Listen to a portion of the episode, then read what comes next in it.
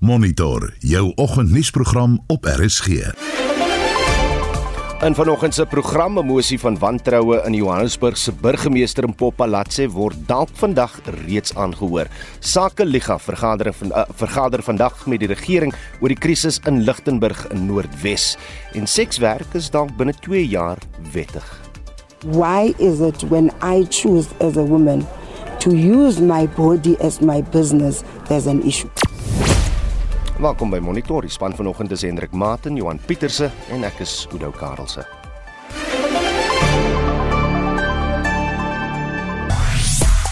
Die adjunkminister van maatskaplike ontwikkeling, Hendrietta Bogopane Zulu, sê planne om sekswerk binne 2 jaar te dekriminaliseer is reeds ver gevorder. Bogopane Zulu het met sekswerkers en 'n burgerregte organisasies in Kimberley in die Noord-Kaap gepraat. The timelines is that by 2024 March decriminalization must have happened. But the discussions with sectors are happening. Sex workers, the church, all different sectors that seem to be involved in sex work are happening. For us to try and say, at the end of the day, if men can have sex with men who are not gay, who go back to their wives, and that is understood, why is it when I choose as a woman to use my body as my business, there's an issue? Nou sekswerkers het by dieselfde geleentheid gesê die gesloer met die wetgewing van hul bedryf bedreig hulle lewens en beroof hulle van die reg om 'n bestaan te maak. Nou ek sien al reeds baie interessante terugvoer op Facebook en op die SMS lyn. Stuur gerus nog, laat weet ons wat jy dink. Uh jy kan vir ons 'n SMS stuur na 45889. Dit sal jou R1.50 kos per boodskap of praat saam op die Monitor en Spectrum Facebookblad en dan kan jy ook vir ons 'n stemnota stuur na 076 536 6961. Goeiemôre. In sportnuus vanoggend. Die Bulls afrigter Jake White span bietjie Springbok 4 in sy span as hulle vanaand teen Connacht uitdraf. Die Proteas en Indië sê mekaar Sondag die stryd aan in die tweede T20 kragmeting. Suid-Afrika se jong Proteas is ook vanoggend in aksie. Ons kyk na die naweek se MTN 8 toernooi asook golfnuus vanaf die Alfred Daniel Links Kampioenskap. Die volledige bulletin volg bietjie later. Ek is Christo Gawie vir RSG Sport. Dit gons omtrent onder die hitsmerk Mpopalatse. 'n Spesiale vergadering is vir vanoggend om 10:00 deur die spreker van die Johannesburgse Metroraad, Colleen Makubele belê. Volgens gerugte sal 'n mosie van wantroue teen die Johannesburgse burgemeester ter tafel gelê word. Palatse het intussen 'n beroep op inwoners gedoen om by die hitsmerk Hands of Joburg veld tog aan te sluit. Talle sosiale media gebruikers sê egter sy is eenvoudig verwaand.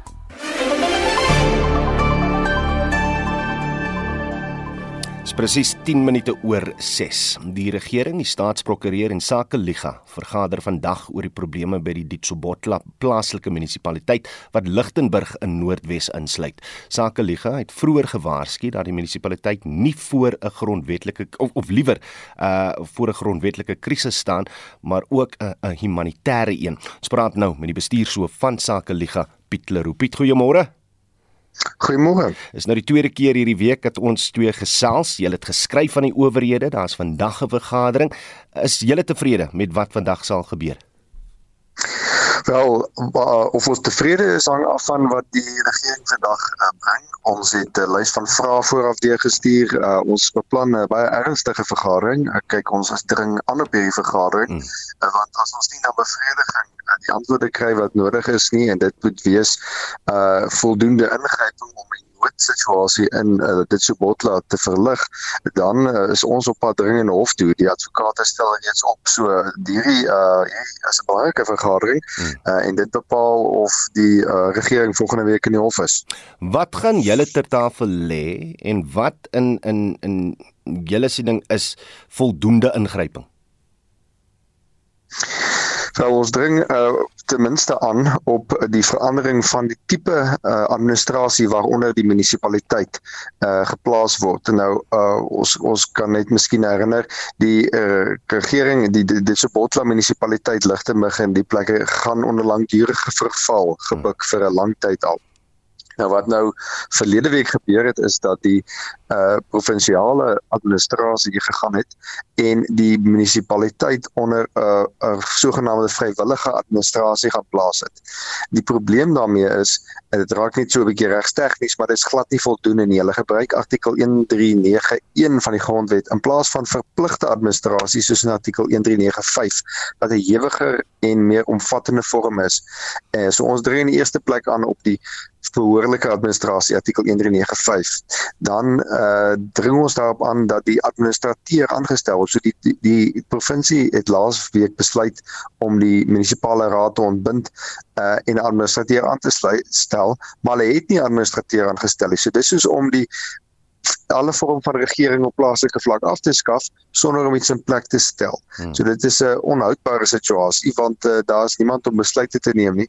En in die derde plek is daar geen geld in die munisipaliteit nie want die nasionale tesourie hou die billike aandeel van die uh, belastinggeld terug wat die munisipaliteit moet kry. So salarisse kan nie betaal word nie. So daar is nie dienste in hierdie dorp nie. Dit is 'n hmm. baie ernstige konstitusionele en humanitêre krisis daar ehm um, nie daar's nie dienste wat gelewer word nie en daar's nie 'n uh, eh, plaaslike regering in plek nie. Die die minister van samewerkende regering het vroeër hierdie week ook gesê dat hulle moet begin kyk na 'n nuwe model vir befondsing vir munisipaliteite in Suid-Afrika. So, sou dit help as daar 'n nuwe model is en en wat sou daai model wees? Ja, ek dink dis bietjie 'n tipiese regeringsmanier om na die ding te kyk, 'n model vir befondsing. Die model vir befondsing is eintlik nie die probleem nie, die probleem is die model vir uitvoering. Ehm um, want die finansies is daar en uh, besighede in die dorp betaal, baie van die inwoners betaal. Dit is nou uh, reeds so dat daar baie plekke ook 'n kultuur van wanbetaling is, maar dit het alles te doen met die uitvoerende vermoë van die plaaslike regerings. So ek sou sê mense moet liewer kyk na 'n nuwe vorm van plaaslike owerheid hmm. as na 'n nuwe vorm van die finansiering van die plaaslike owerheid. Dis vorm deel van litigasie regsaksie waarmee ons al 'n tyd besig is, juis in uh, Lichtenburg ook in Vryburg in die Naledi munisipaliteit net langs aan waar ons uh, probeer om die uh, hof of aan die wel ons was die hof versoek om 'n uh, ek om onafhanklike auditeure hmm. in plek van die finansies uh, te stel ten minste op 'n tydelike grondslag sodat Eskom betaal kan word, die waterraad betaal kan word. Nou dis 'n ander vorm van plaaslike owerheidsuitvoering. So ek dink dis belangriker. Wat anders sal uit vandag se vergadering moet spruit om te verhoed dat jy hof toe gaan? Nou ons het ook 'n lys van vrae uh, vooraf gestuur aan die staatsprokureur uh, en daai vrae sal na ons tevredenheid beantwoord moet word. Die plaaslike regering en provinsiale regering en dit selfs nasionale regering is ongelukkig 'n bietjie van 'n donker boks. Mense weet nie presies wat die besluite is wat daar binne geneem word nie. Ehm um, wat is hulle Ja, Piet, jammer, ek dink ons moet hom maar daar los die lyn. Het ons nou net bietjie teleurgestel en dit is die bestuurshoof van Sake Liga, maar ek is seker ons sal opvolg op uh wat die uitkoms van hierdie vergadering is tussen uh, Sake Liga, die regering en die staatsprokureur. President Cyril Ramaphosa het uiteindelik 'n paar antwoorde in die parlement gegee oor die diefstal wat 2 jaar gelede by sy Palapala wildplaas in Limpopo plaasgevind het. Hoewel hy steeds nie besonderhede wou gee nie, het die president vrae oor sy eie optrede beantwoord. Ramaphosa het in die verlede erken dat geld by sy plaas gesteel is, maar hy hou vol dat hy nie kommentaar op die ondersoeke na die saak wil lewer nie. Die vraesessie in die nasionale vergadering het met minder drama gepaard gegaan as soortgelyke sessies in die verlede toe hy geweier het om antwoorde te gee. In 'n opvolgvraag wou Vuyo Zungula van die ATM weet hoekom hy nie 'n blinde trust geskep het soos hy beloof het toe hy president geword het nie. Mr President, why do you have such intricate details such as money lost, the clients, yet your business interests are supposedly held in a blind trust where you've got no sight? Are you currently involved in any businesses wherein you buy and sell merchandise while at the same time you are the president of the country. Initially, the intention was to set up a blind trust, but I did then say I do not intend to be in any other form of business other than the agricultural sector, which I have declared. Uh, so that is why, in the end, no such trust was was formed. Die DA-leier John Steenhuisen wou weet of hy nie gedink het daar was 'n botsing van belange omdat hy die saak by 'n instansie naby aan hom aangemeld het nie. The Presidential Protection Unit is provided to you because you are the head of state and the president. It is a privilege you gain through your official title, not your private business interests. I would advance to you, Mr. President, there was a conflict of interest for you to use General Wally Roeder to go and recover debts are accruing to your private business interests using state resources. It should have been done through a police station with a case being opened. Now, advance, Mr. President, and ask you, do you believe there's a conflict of interest? To the extent that there could be that assertion, I know that the matter that you're referring to is being processed within the internal confines of the South African Police Service as to what General Ruode did and what he did not do. And in my own conclusion, there hasn't been a conflict of interest of the nature that you are talking about. Die EFF president Julius Malema het dieselfde vraag vanuit 'n ander hoek gevra. The person who called you to inform you about the crime that took place at Palapala is the one that should have called the police or go to the police station to report the matter. Please accept you abused your power and you thought there was something special about you. That's why you didn't do the Mama Lima approach when her chickens are stolen to go to Seoul police station and report the case. Because she's an ordinary person. You see yourself above. And that's why you report crimes to generals and not to church office. You abused your power as a president. Die president het so gereageer.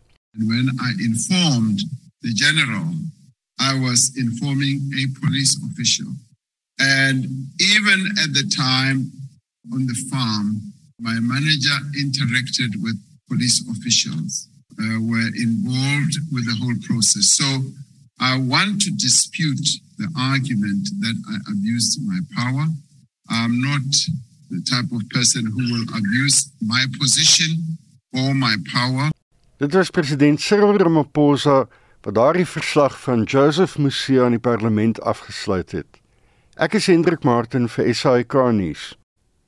Kusatu wat 'n sleutelbondgenoot van die ANC is, gaan vir die eerste keer in sy 37-jarige bestaan 'n spesiale konferensie oor sy verhouding met die regerende party hou. Vir meer hieroor praat ons met Dr. Helen Kloete, 'n navorsingsgenoot van die Departement Openbare Administrasie en Bestuur aan die Universiteit van die Vrystaat. Helen, goeiemôre. Goeiemôre Oudo en goeiemôre aan al die luisteraars. Daar is uh, verskeie besluite wat van politieke belang is wat spruit uit die konferensie, maar kom ons begin met hierdie konferensie volgende jaar oor die verhouding tussen die twee. Wa wat is van vanuit 'n Kusatu oogpunt, wat is hier aan die gang Helen? Ek dink die die vakbond het nog altyd 'n baie belangrike rol gespeel in die in die uh, vryheidsstryd in Suid-Afrika. Uh, Kusatu is deel van die uh, tripartite uh, alliansie en so hulle het 'n baie noue bond uh, met die met die ANC. My my weet die ANC is 'n is in, in Engels it's a it's a broad church. Hmm. En so die Kosato het eh, die in die laaste 10 jaar dink ek jy sal onthou toe Willem Zuma Wabi nog die sekretaris-generaal was het hulle 'n baie prominente rol gespeel uh in in regeringsbesluite. So hoe die alliansie werk is dat die dat die drie die SAKP, die uh, COSATU en die ANC hulle word gekonsulteer veral met die aanstelling van ministers en beleidskwessies. Ek dink die wil het begin afgaan met uh, oud president Thabo Mbeki wat al daar was. En so nou die geebeleid hmm. wat COSATU uh, gesê het ag is maar niks anders as uh, die neoliberale staat uh, wat Suid-Afrika maar niks anders maak as 'n uh, satelliet van die Amerikaanse ekonomiese beleidsstelsel nie ons het daar tog gehad groei en ontwikkeling. En soos jy weet eh, as jy kyk na die laaste paar jare is dat ongelykheid in die land groei. Suid-Afrika is nog steeds die mees ongelyke land. Dis wat die Wêreldbank onlangs gesê het in Maart 2022 en so die spanning in die tussen die ANC en COSATU wat die COSATU dat dit gebeur vroeër in die week hmm. waar die werkers is vir Gwedi Mantashe geboet en gesê het maar die ANC is glad nie uh werkersvriendelik in hulle beleidsoriëntering. Wie dis nie die eerste keer dat hierdie gesprekke plaasvind nie, maar maar is die verhouding tans op sy swakste tussen die twee, Kusato en die regering? Ek dink tog so. Ek dink tog so as jy mens kyk, uh is wat daar die basic income grant wat die wat party uh, kommentators en veral beleidsmakers binne Kusato al oor gepraat het al.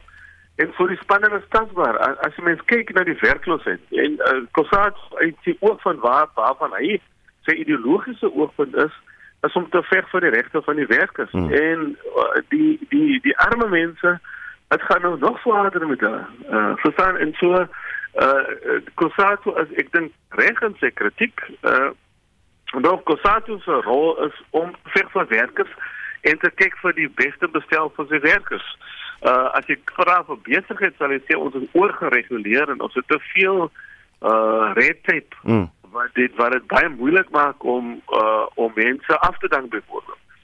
En so daar is hierdie spanning en dit en dit is normaal dink ek. Daar's die spanning tussen wat die werkers wil hê, wat besigheid wil hê en regering in die middel. Hmm. En uh regering was baie keer uh beskuldig deur Kusatu dat hy is meer in die kant van die uh base as in as in die kant van die werkers. En so daardie spanning uh het nou tot op punt gekom waar Kosato sê kom ons hier dan ook 'n spesiale kongres. Mm. En kom ons kyk na die mense om dan te sê waar staan ons in hierdie alliansie? Want as ons kyk terug kyk in die 10 jaar het ons miskien die beste beleide, maar daar is nie daar is nie uh, geregeer in die beste belang van die werkers nie. Dis hulle wat hulle sê. Uh, en dan 'n ander sleutelbondgenoot hier is die kommuniste uh, kommunistiese uh, party. Uh en, en hulle oorweeg ook om aan die 2024 nasionale verkiesing deel te neem as part, as self as as party. Daar was twee mosies daaroor by Kusatu se beraad. Hmm. Hoe gaan dinge nou vorentoe ontwikkel en en voel jy dink jy dat die die SAKP eintlik in 2024 sal staan as 'n party?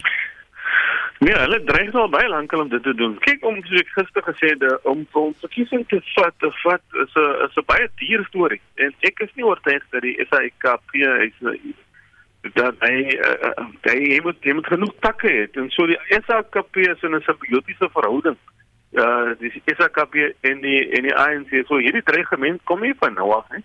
Hmm. Uh dis 'n dis 'n ou dreigement. Uh, so of hulle op hulle eie kan staan ek dink is so nie. As jy mens kyk na kommunisme nie in die res van die wêreld dan uh, is dit nie as ek dink is 'n baie goeie romantiese idee maar dit is nie dit is nie het, het dit nog nooit teruggekom op die op die op die grond en goeie byval gekry nie. So ek dink ek praat van 'n korreksie maar daar daar was al gevalle waar die SAKP veral in plaaslike regering op hulle eie gegaan het en dit was nie uh dit was nie dit het nie die nodige vrugte afgewerk nie. Mm. Party wyke het al hulle uh, eie kandidaate op opgesit al vir dat dit nie die nodige vrugte afgewerk het. So sou hulle gaan my voorspelling is dat dit dit dit daardie projek gaan ook nie werk nie. Allen met betrekking tot Kusatu spesifiek as ek luister na wat die president gister te sê gehad het, is dit seker die duidelikste aanduiding dat by Eskom gaan daar vorentoe privatisering plaasvind. Wat is jou oorsig? Wat is jou mening oor wat die president gister te sê gehad het in die parlement? Jy weet, ek dink die probleme van Eskom kom nou lankal in die, in sy staatsrede vroeg vroeër in die jaar het die president gesê dat ons sal besigheidsrol is om is om uh, 'n uh, werk te kan skep. En so of dit nou 'n kombinasie is van uh van die besake sektor maar daar is dringend ingryping nodig. Daar is bittermin staatsinstellings wat wat werk. Uh en ek dink een wat een wat nog relatief baie skoon is is die Development Bank, uh, die ontwikkelingsbank.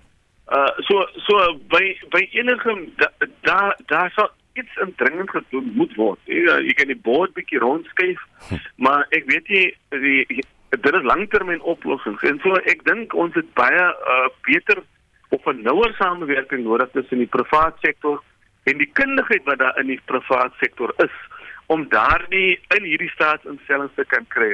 Uh dit is baie duidelik dat die regering op sigself hopeloos gefaal het om die staats um, staatsontwikkelings uh enterprises uh volhoubaar te bestuur. Hmm.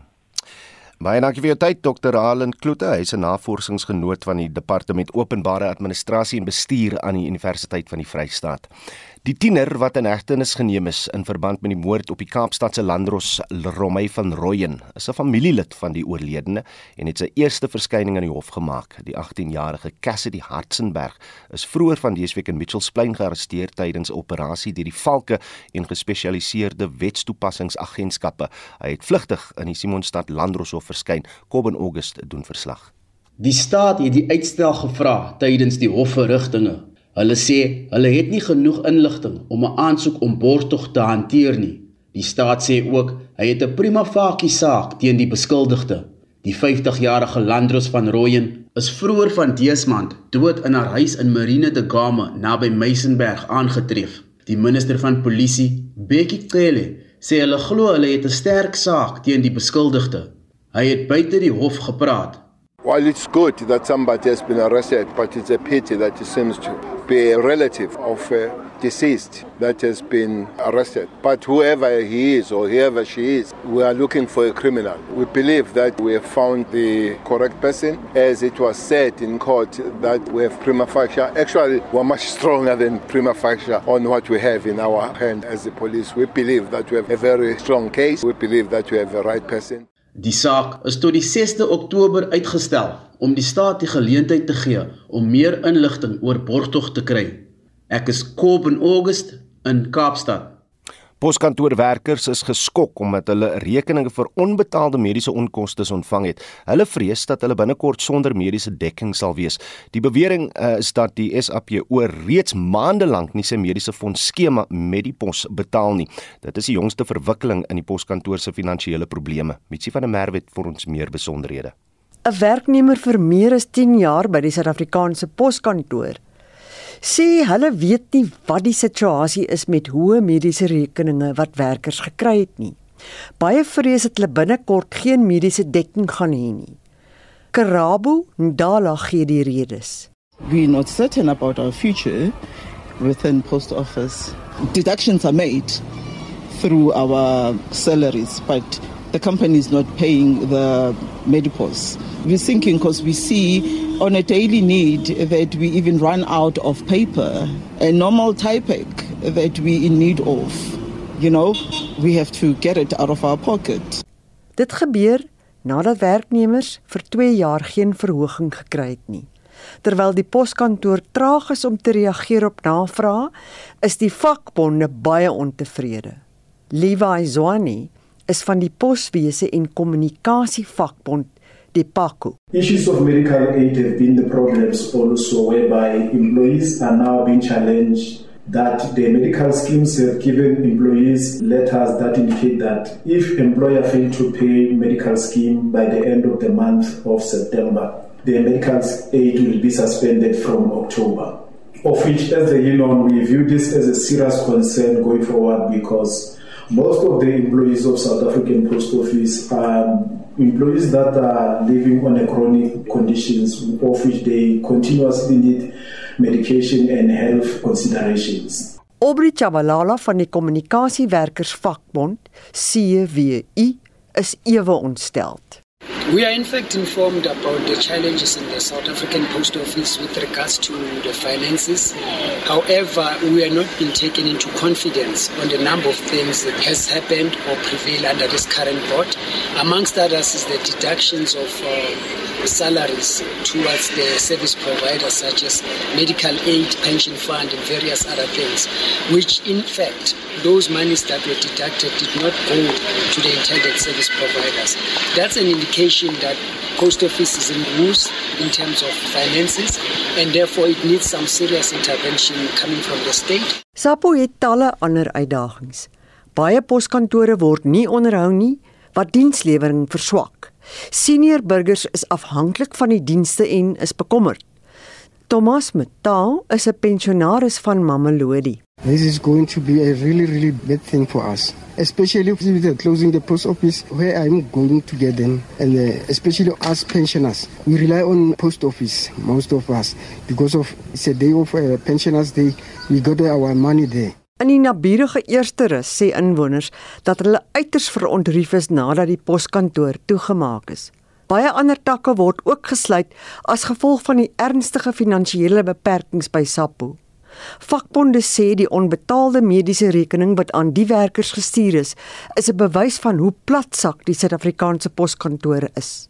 Patricia Versage en Faniel Shuma het hierdie verslag saamgestel. Mitsi van der Merwe, SAK nuus. Jy luister na Monitor. Elke weekoggend tussen 6 en 7. 36 en in die nuus die indiensnemingsooreenkomste van die onafhanklike paneel kenners wat moet bepaal of daar gronde is vir president Cyril Ramaphosa om in 'n staat van beskuldiging geplaas te word oor Palapala saak of oor die Palapala saak sal na verwagting vandag afgehandel wees. Die Gautengse departement van onderwys het bevestig dat 'n graad 6 leerling van Magaliesburg aan die Wesrand dood is toe hy onder 'n bus beland het en orkaan 1 wat gebiede in die suide van Amerika verwoes het, is weer besig om te verstewig. Bly ingeskakel.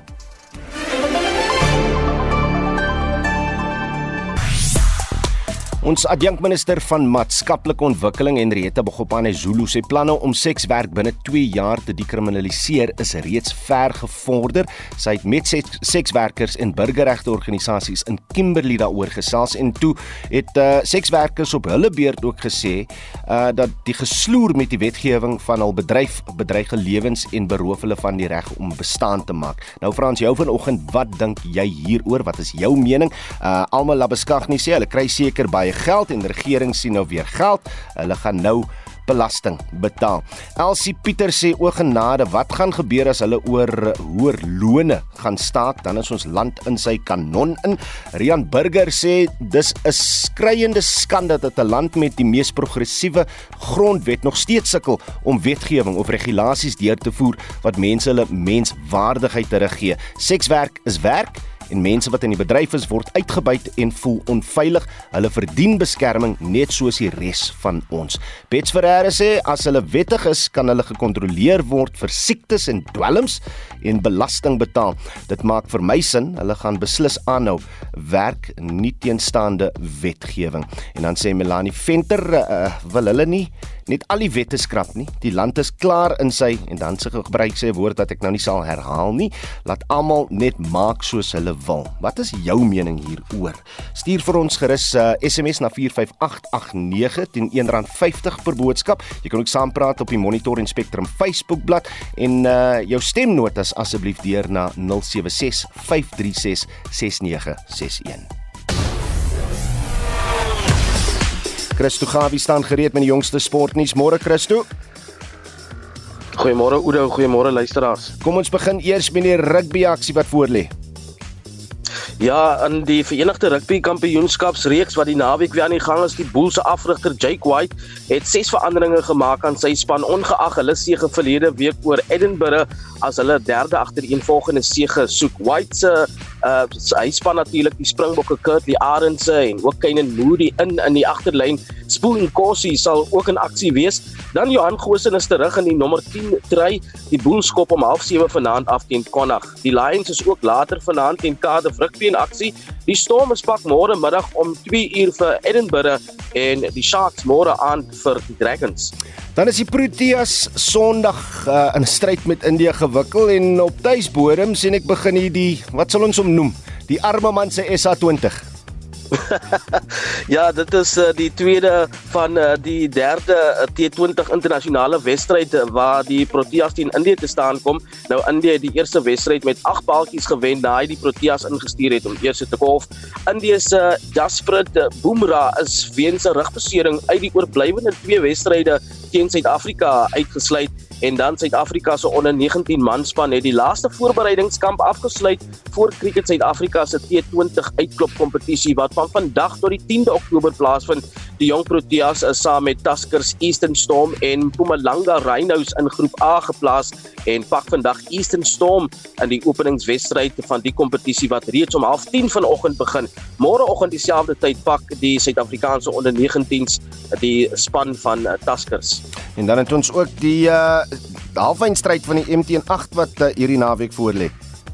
Dis 'n groot naweek uh, vir die in die MTN8 sokker toernooi met Orlando Pirates en Mamelodi Sundowns wat mekaar môre die stryd aan sê op die Orlando Stadion. Sondag kom Kaizer Chiefs en ook AmaZulu teen mekaar te staan. En net so 'n bietjie golf voor ons uh, totsiens sê. Romain Lageski het 'n rekordgelyke ronde van 61 op die Old Course St Andrews eh, behaal om na gister se openingsdag van die Alfred Daniel Links Kampioenskap met 1-0 voor te loop. Die Fransman het herstel van 'n 1 oor baansyfer met 2 arende en 8 voetjies om 11 onder baansyfer te bereik. Die wêreld se nommer 2 Rory McIlroy het die week met 'n 68 begin van dese week sal McIlroy sy eerste verskyning op die Old Course wees sedert Julie toe hy net net gemis het om die Ope Kampioenskap te wen. En dit aan Christo Gabie van RSG Sport. Die Randburgse Landdroshof het bevind dat die EFF-leier Julius Malema en die parlementslid Mbuyiseni Ndlozi nie skuldig was aan die aanranding van die polisiebeampte luitenant-kolonel Johannes Venter tydens die begrafnis van Winnie Madikizela Mandela in 2018 nie. Landdros Leland Ponsami sê hoewel die twee Venter gestamp het, was die bedoeling nie om hom aan te rand nie. AfriForum het die saak met belangstelling gevolg en ons praat nou met die organisasie se veldtogbeampte vir strategie en inhoud, Renier Dievenage. Renier, goeiemôre. Goeiemôre Gura en goeiemôre aan die luisteraars. Sê my, wat is julle reaksie op die uitspraak? Oh, ons is baie teleurgestel met die uitspraak. Ek wil net vir die vir die luisteraars 'n bietjie konteks gee van die meriete van die saak. Kyk, dit het gebeur soos jy gesê het by die begrafnis van Winnie Mandela. Uh kolonel Johannes Venter het die hek opgepas. Hy was die bewaker van die hek by die begrafnis. En wat dan gebeur het is um, dit kring televisie beeldmateriaal het uh, vasgevang hoe Julius Malema en Boyeseni uit Losi uit die voertuig klim. Hierdie beeldmateriaal kan mens nog gaan kyk en uh Kolonel Venter aanval. Nou ehm um, mens moet net by sê Kolonel Venter, nee, hier is 'n verskriklike hoë profiel geleentheid. So Kolonel Venter was daar om die topbestuur van die land, die die senior bestuur van die land op te pas. En uiteraard hy's daar om sy werk te doen. As 'n insident daar is, dis sy werk om om seker te maak dat alles vlot verloop en dat, dat die mense daar binne veilig is.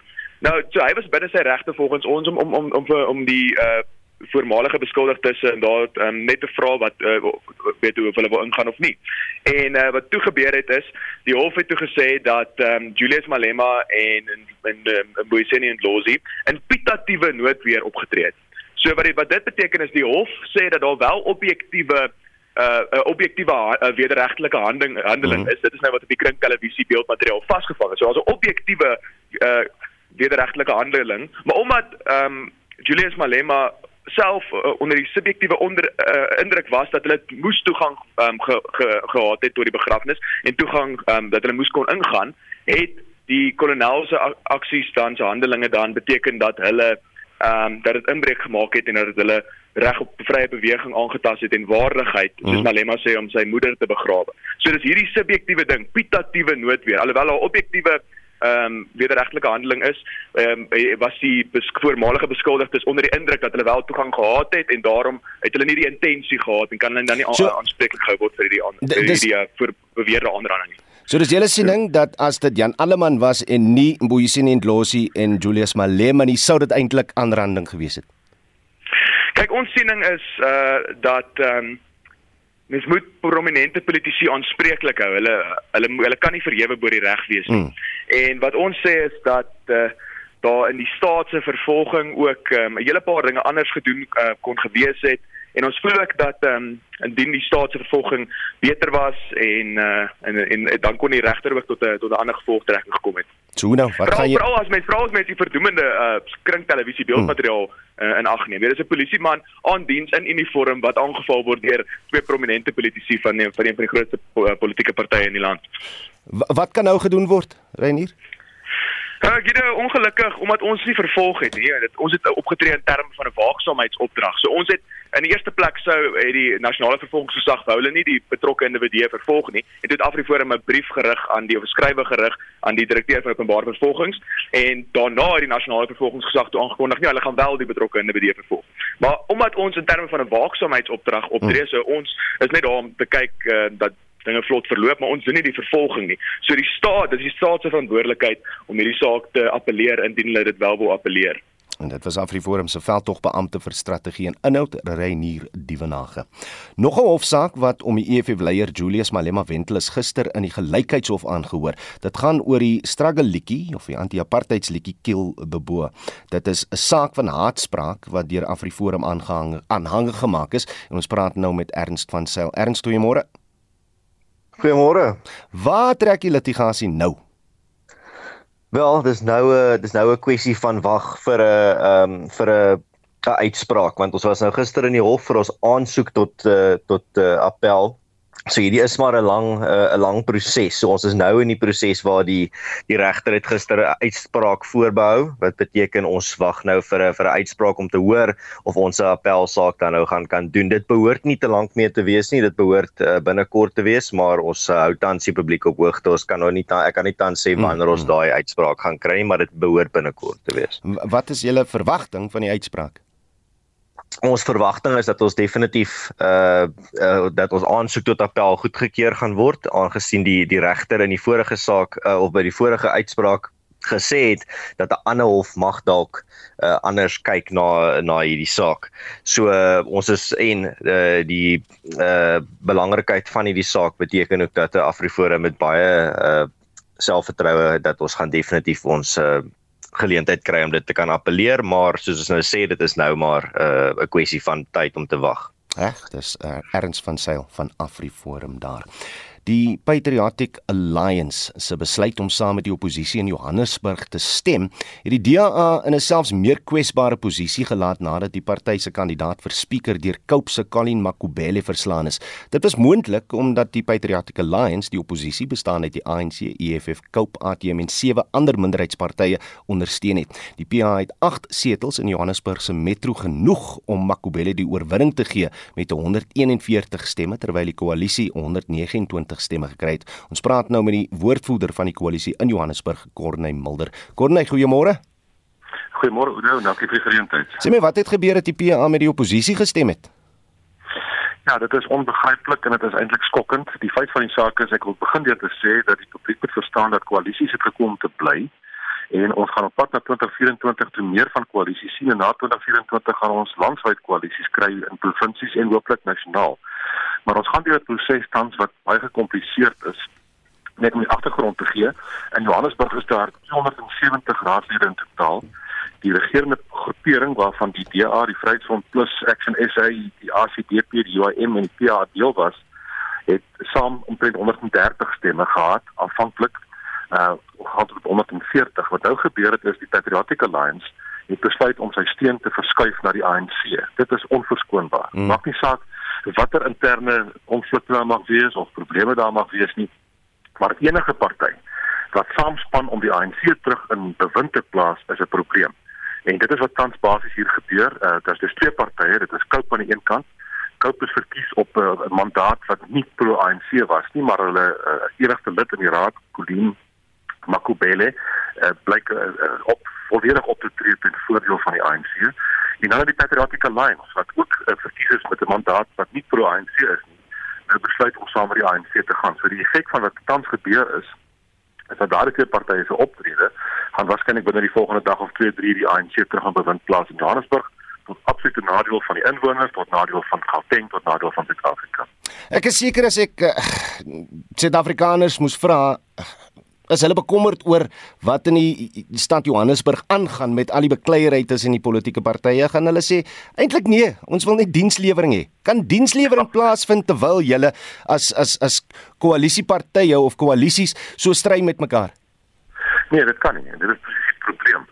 Ons het twee probleme wat dit betref. Eersteen is dat die ANC is nie demokrate nie. Moenie vir een oomblik dink hulle glo demokrasie. Nie die ANC gebruik demokrasie om die mag te bekom en dan te maak soos wat ons gesien het gemaak afloop 28 jaar. So van die eerste oomblik toe hierdie uh, verkiesings plaasgevind het en die koalisie saamgestel is, het die ANC op 'n daaglikse basis alles in sy vermoë gedoen om die nuwe regering te ondergrawe, te ondermyn en dit probeer om tot 'n val te bring. Dit doen hulle. Ons moet dit weet. Hulle sal dit in 2024 ook doen en nie vrywillig die mag afgee nie. En dit is 'n ander debat, ons moet dit weet. So dit was die een kant van die saak. Die ander kant van die saak is is dat diensgewering moet primêr daar wees. En daar's nie 'n rede hoekom partye onder mekaar hoef te verskil of wat ook al nie. Ehm um, maar by die groter prentjie sien, die publiek is nie geïnteresseerd om te weet wie wie vir wie nie wil hê dat die suksesvolle regering daar moet basies wees. En as jy dan 'n party kry vir skulp, en as jy 'n party kry soos die Patriotic Alliance, wat openlik daar is net vir persoonlike eie posisies. Hmm dan het jy 'n probleem. En dit is as gevolg van die getalle samestelling wat dit wat dit veroorsaak. Corneille, tyd is bietjie teen ons, maar in so 30 sekondes gaan in Poppelatse nog die burgemeester van Johannesburg wees teen die einde van vandag. Dit is moontlik teen die einde van vandag. Ek is nie seker nie ons gaan met hof interdik kom om die vergadering te probeer stop vandag, maar op die langer termyn vir Johannesburg is dit nie goeie nuus nie. Die kernboodskap wat my betref is baie eenvoudig. Dit net kyk na 2024.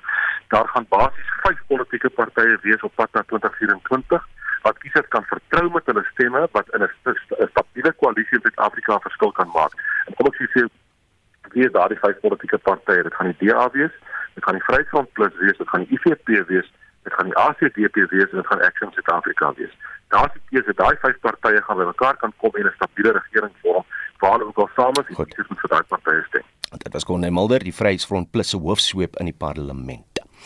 Kom ons kyk nou na nuusgebeure vanuit die res van die wêreld. Eh, Justin Kennerly staan gereed hier en Justin, goeiemôre. Rusland sal na verwagting vandag aankondig dat hy vier streke in die ooste en suide van Oekraïne gaan annekteer. Ja, en Rusland het referendums in die provinsies gehou en volgens hom steun hulle die skuif.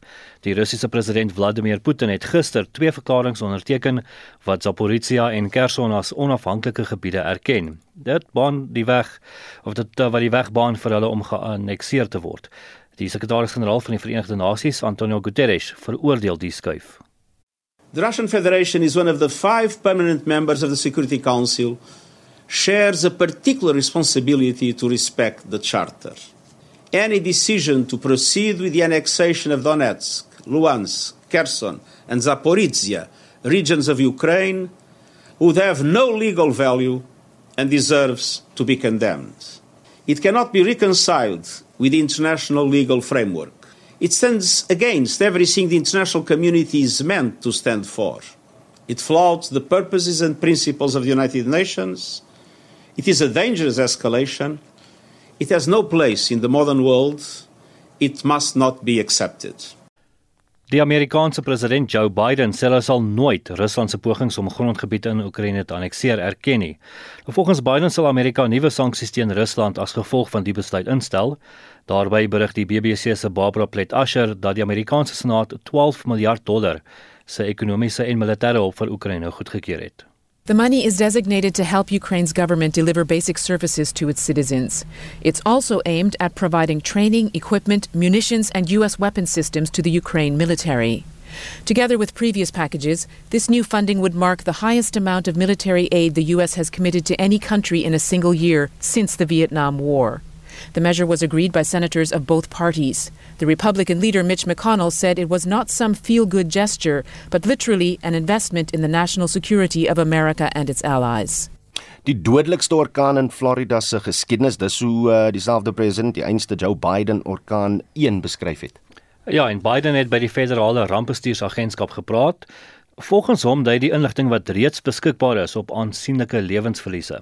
Meer as 2,6 miljoen huise en besighede in Florida het geen krag nie en sommige gebiede is onder water.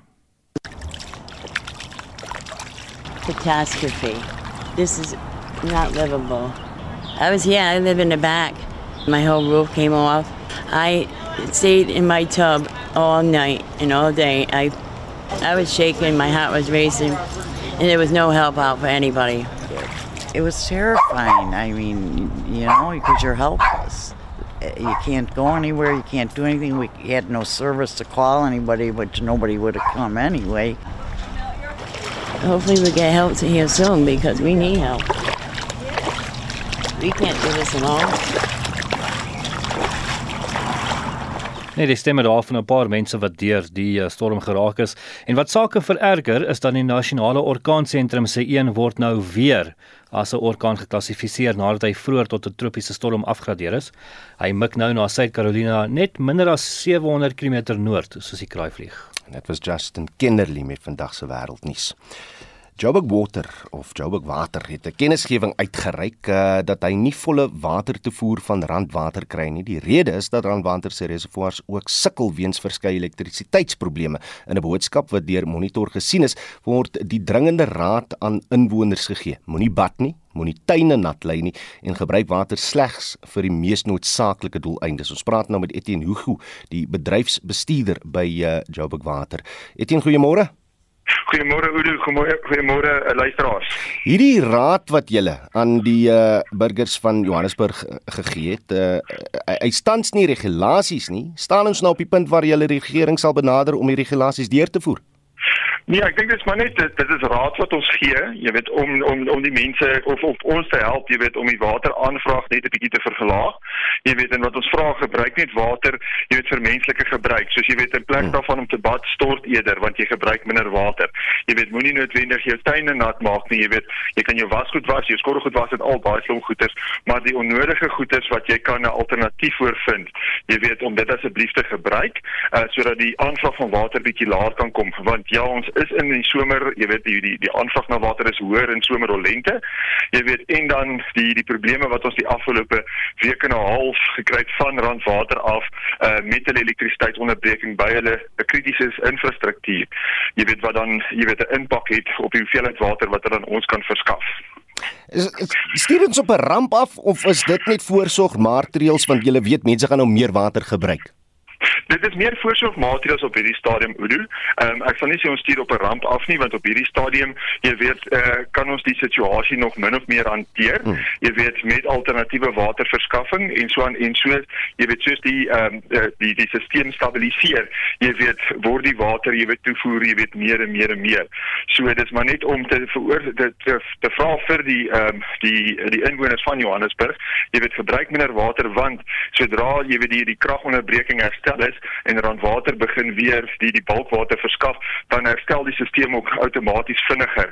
En vir al die mense in jou hoogliggende dele is gewoonlik die mense wat die meeste geaffekteer word. Hmm en dan kan hulle watervoorsiening, jy weet, vinniger uh, terugkom in die stelsel of terugkom na hulle toe.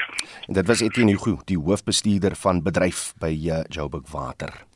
Nou Boboti was in die dae rondom Erfenisdag in die nuus omdat dit deur baie beskou word as die nasionale gereg van Suid-Afrika. Maar is dit? Dr Willem Botha praat derhalwe vanoggend oor Boboti. Môre Willem. Môre Udo. Wie se gereg is Boboti nou eintlik? Het af van Deventer ter Blanche en onlangs haar Emma graad in kultuurgeskiedenis met 'n verhandeling oor einste Boboti verwerf. Sy kom tot die gevolgtrekking dat Boboti nie 'n gereg is waarop een enkele kultuurgroep alleen kan aanspraak maak nie. Professor Frans Johan Pretorius, bekende historikus, raak die volgende tongenetjies oor Boboti quote. Boboti, jou Persiese, Romeinse, Arabiese, Italiaanse, 17de eeuse Hollandse lekker ding. Nou, hierdie bestudering van oosterse sowel as westerse geregte kon vasgestel word dat Boboti nie 'n standaard resep resep het nie. Soos met baie ander resepte het elke kok sy of haar eie gunsteling metode gehad. Boboti het verskeie variasies waarin gemaalde of gaarvleis, hoender, vis of skopvis met speserye gegee is en met eier gestof of 'n eierbolaag bevat het. En wat ons as Boboti ken, is ook onder ander name bekend soos Bobertay, Boboto, Bobotok en Botok. Afrikaans het Boboti waarskynlik uit Maleis, Bumbu, wat beteken curryspeserye en kruie gekry. En die eerste optekening in vroeë Afrikaans is van 1752 in die samestelling Boboti ketel. Het toe al meer Nederlanders hulle van die 18de eeu af in die ooste gaan vestig het, het meer resepteboeke met oosterse invloede in Nederland begin verskyn. Dit is geskryf vir koloniale huishoudings in die ooste mm -hmm. en vir Nederlandse huishoudings wat graag van die oosterse geregte tuis in Nederland wil kook. Het hy 'n Engelse kookboek met resepte van honderde jare oud gevind en onder hulle 'n resep vir reggeraai bobotie gekry. Verder terug in Europese kookgeskiedenis het sy 'n Franse resepteboek van 1393 gevind met talle bobotie resepte. In nog ouer bronne uit die Arabiese kookkuns van die 11de en die 13de eeu het sy dieselfde tipe geregte gevind. In die verhandeling word beklemtoon dat die studie nie kultuurgroepe van mekaar moet vervreem nie. Inteendeel, dit behoort begrip vir mekaar te skep omdat ons voedselkulture met mekaar verweef is. In kort, Boboti is ons almal se. Asai, Dr Willem Botha sê hy voerende direkteur van die Woordeboek van die Afrikaanse taal sou jy 'n woord wil borg of uh, koop, besoek net www.wat.co.za of Google borg 'n woord. Onthou sê jou sê oor uh, die adjunkminister van maatskaplike ontwikkeling Hendriette Bogopane Zulu se planne om sekswerk binne 2 jaar te dekriminaliseer, uh want dis nou reeds ver gevorder. Jy kan vir ons 'n SMS stuur na 4588919 R50 per boodskap. Jy kan ook saampraat op die Monitor en Spectrum Facebook bladsy en asseblief julle stemnota is altyd lekker om na te luister. Stuur hom na 0765366961. Dan groet ons namens ons uitvoerende regisseur vervaardiger Nicoline de Wee, ons redakteur vanoggend dis Hendrik Maten. Ons produksieregisseur is Johan Pieterse en ek is Oudou Karelse. Geniet die dag, geniet die naweek in die geselskap van RSG. Totsiens. thank you